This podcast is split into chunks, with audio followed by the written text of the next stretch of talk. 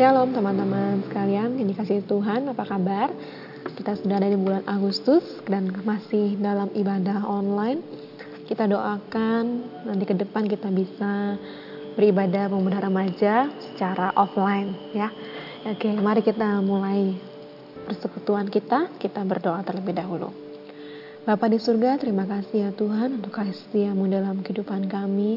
Kami percaya Tuhan, kami selalu dikasihi Tuhan dan dipelihara oleh Engkau.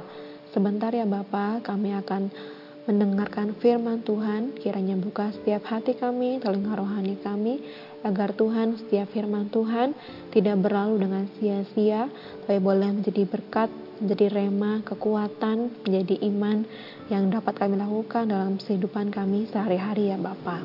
Terima kasih Tuhan, terima kasih. Dalam nama Yesus Tuhan kami serahkan persekutuan online sore hari ini. Haleluya. Amin. Amin. Puji Tuhan teman-teman.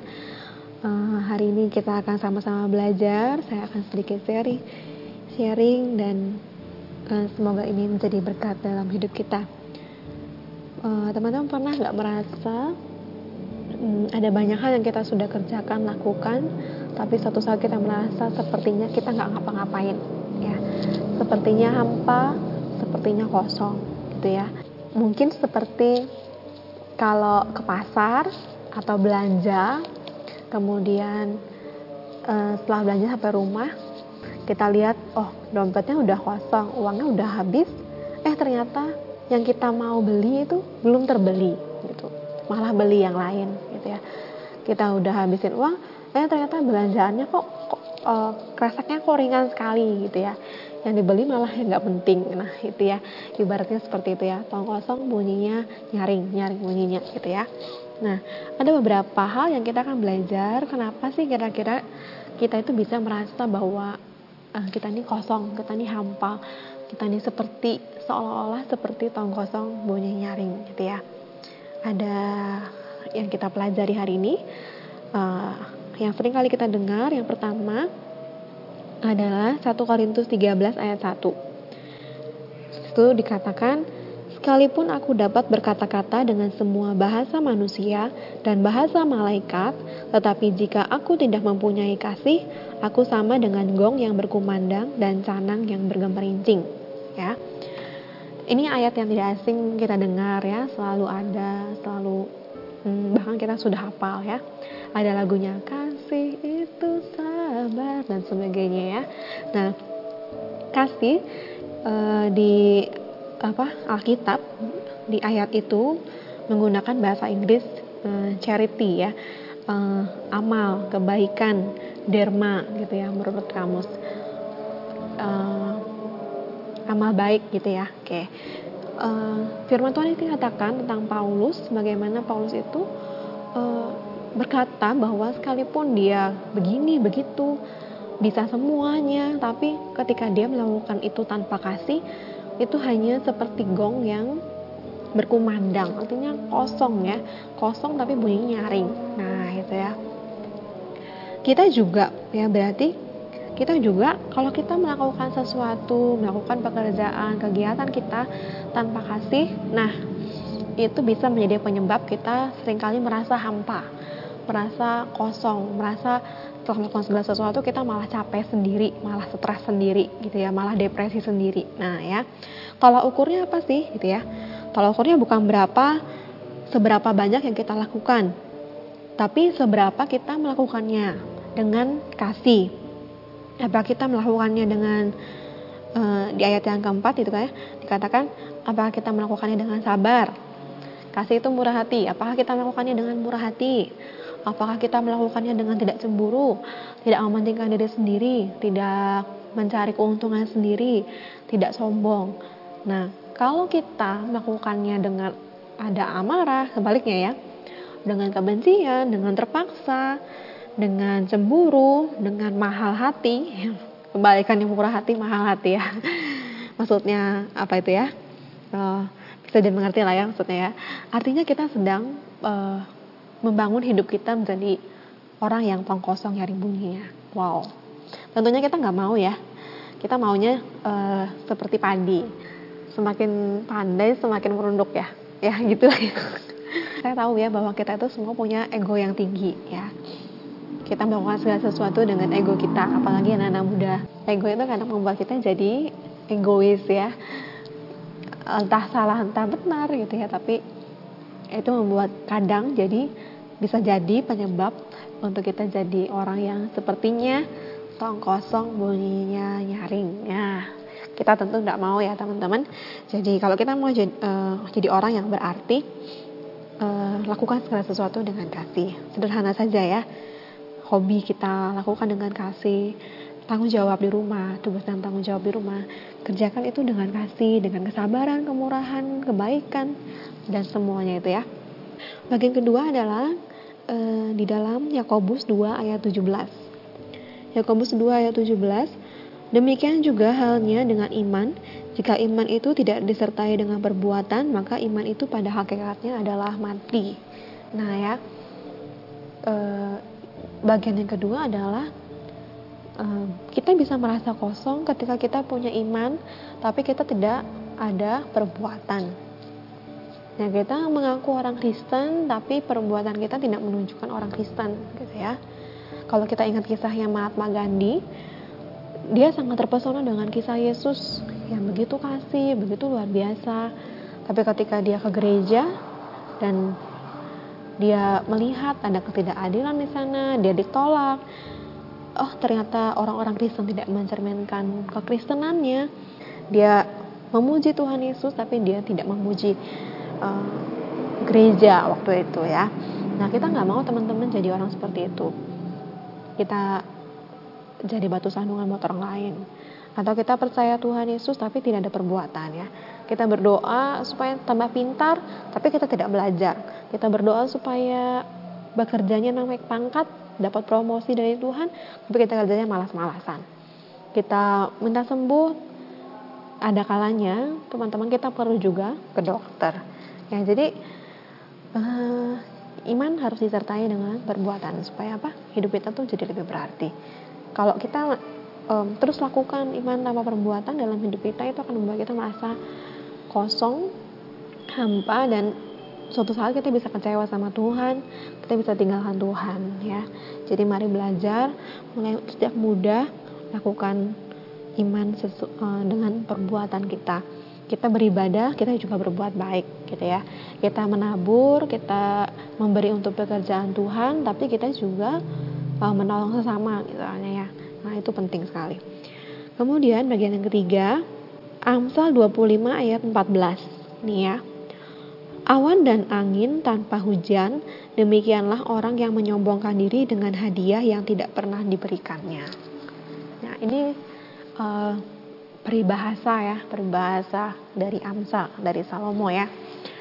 E, di situ mengartikan bahwa kalau kita menjanjikan hadiah untuk seorang, tapi kita nggak kasih beneran, itu seperti awan dan angin tanpa hujan.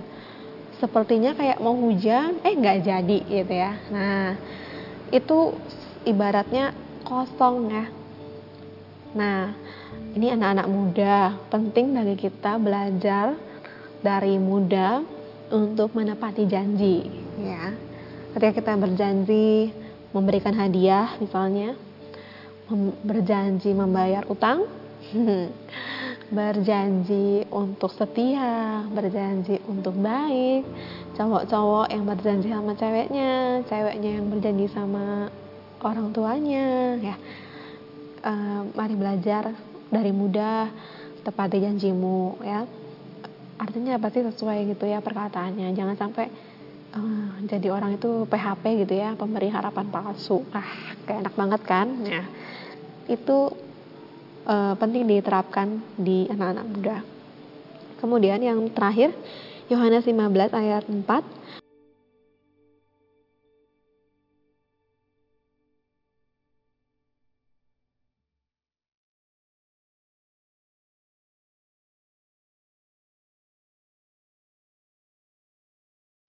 yang paling penting dalam hidup ini agar kita tidak merasa kosong tapi bunyinya nyaring adalah ada Kristus di dalam hati kita ya. Situ dikatakan tinggal di dalam aku dan aku di dalam kamu. Menjadi satu dengan Tuhan Yesus Kristus ya. Tinggal selalu dengan Tuhan. Selalu uh, dekat dengan Tuhan. Bangun hubungan yang selalu baik dengan Tuhan.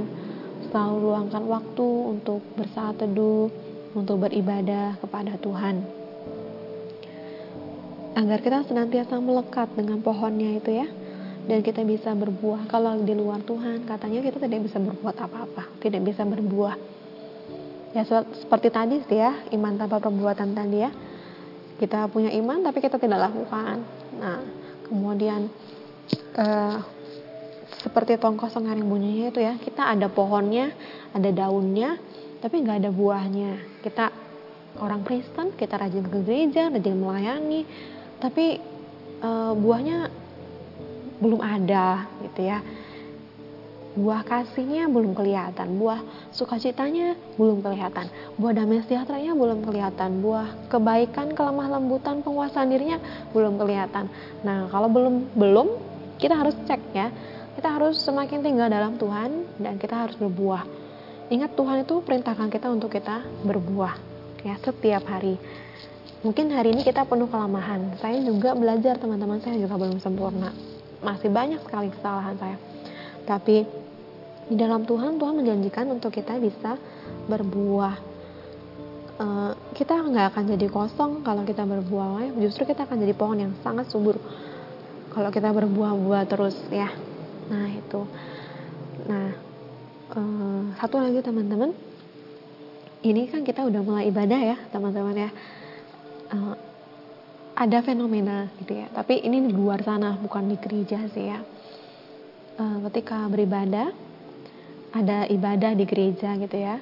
Ini saya uh, hanya memberikan himbauan saja ya. Oke, okay. uh, ada orang yang sehat ya, usianya produktif, boleh beribadah, kemudian uh, beralasan tidak beribadah, tidak ke gereja dulu gitu ya.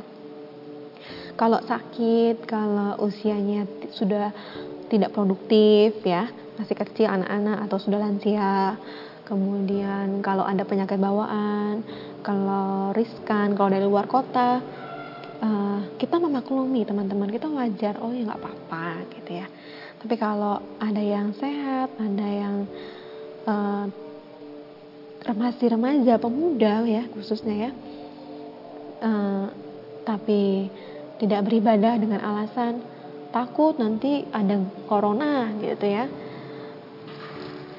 Kalau beneran sih ya enggak apa-apa teman-teman. Artinya dia di rumah aja nggak ke mana-mana nggak nggak keluyuran gitu ya tapi kalau misalnya remaja bilang itu tapi dia keluyuran dia jalan-jalan kumpul-kumpul sama temennya terus dia takut ke gereja karena gereja ada corona nah itu patut dicurigai teman-teman ya.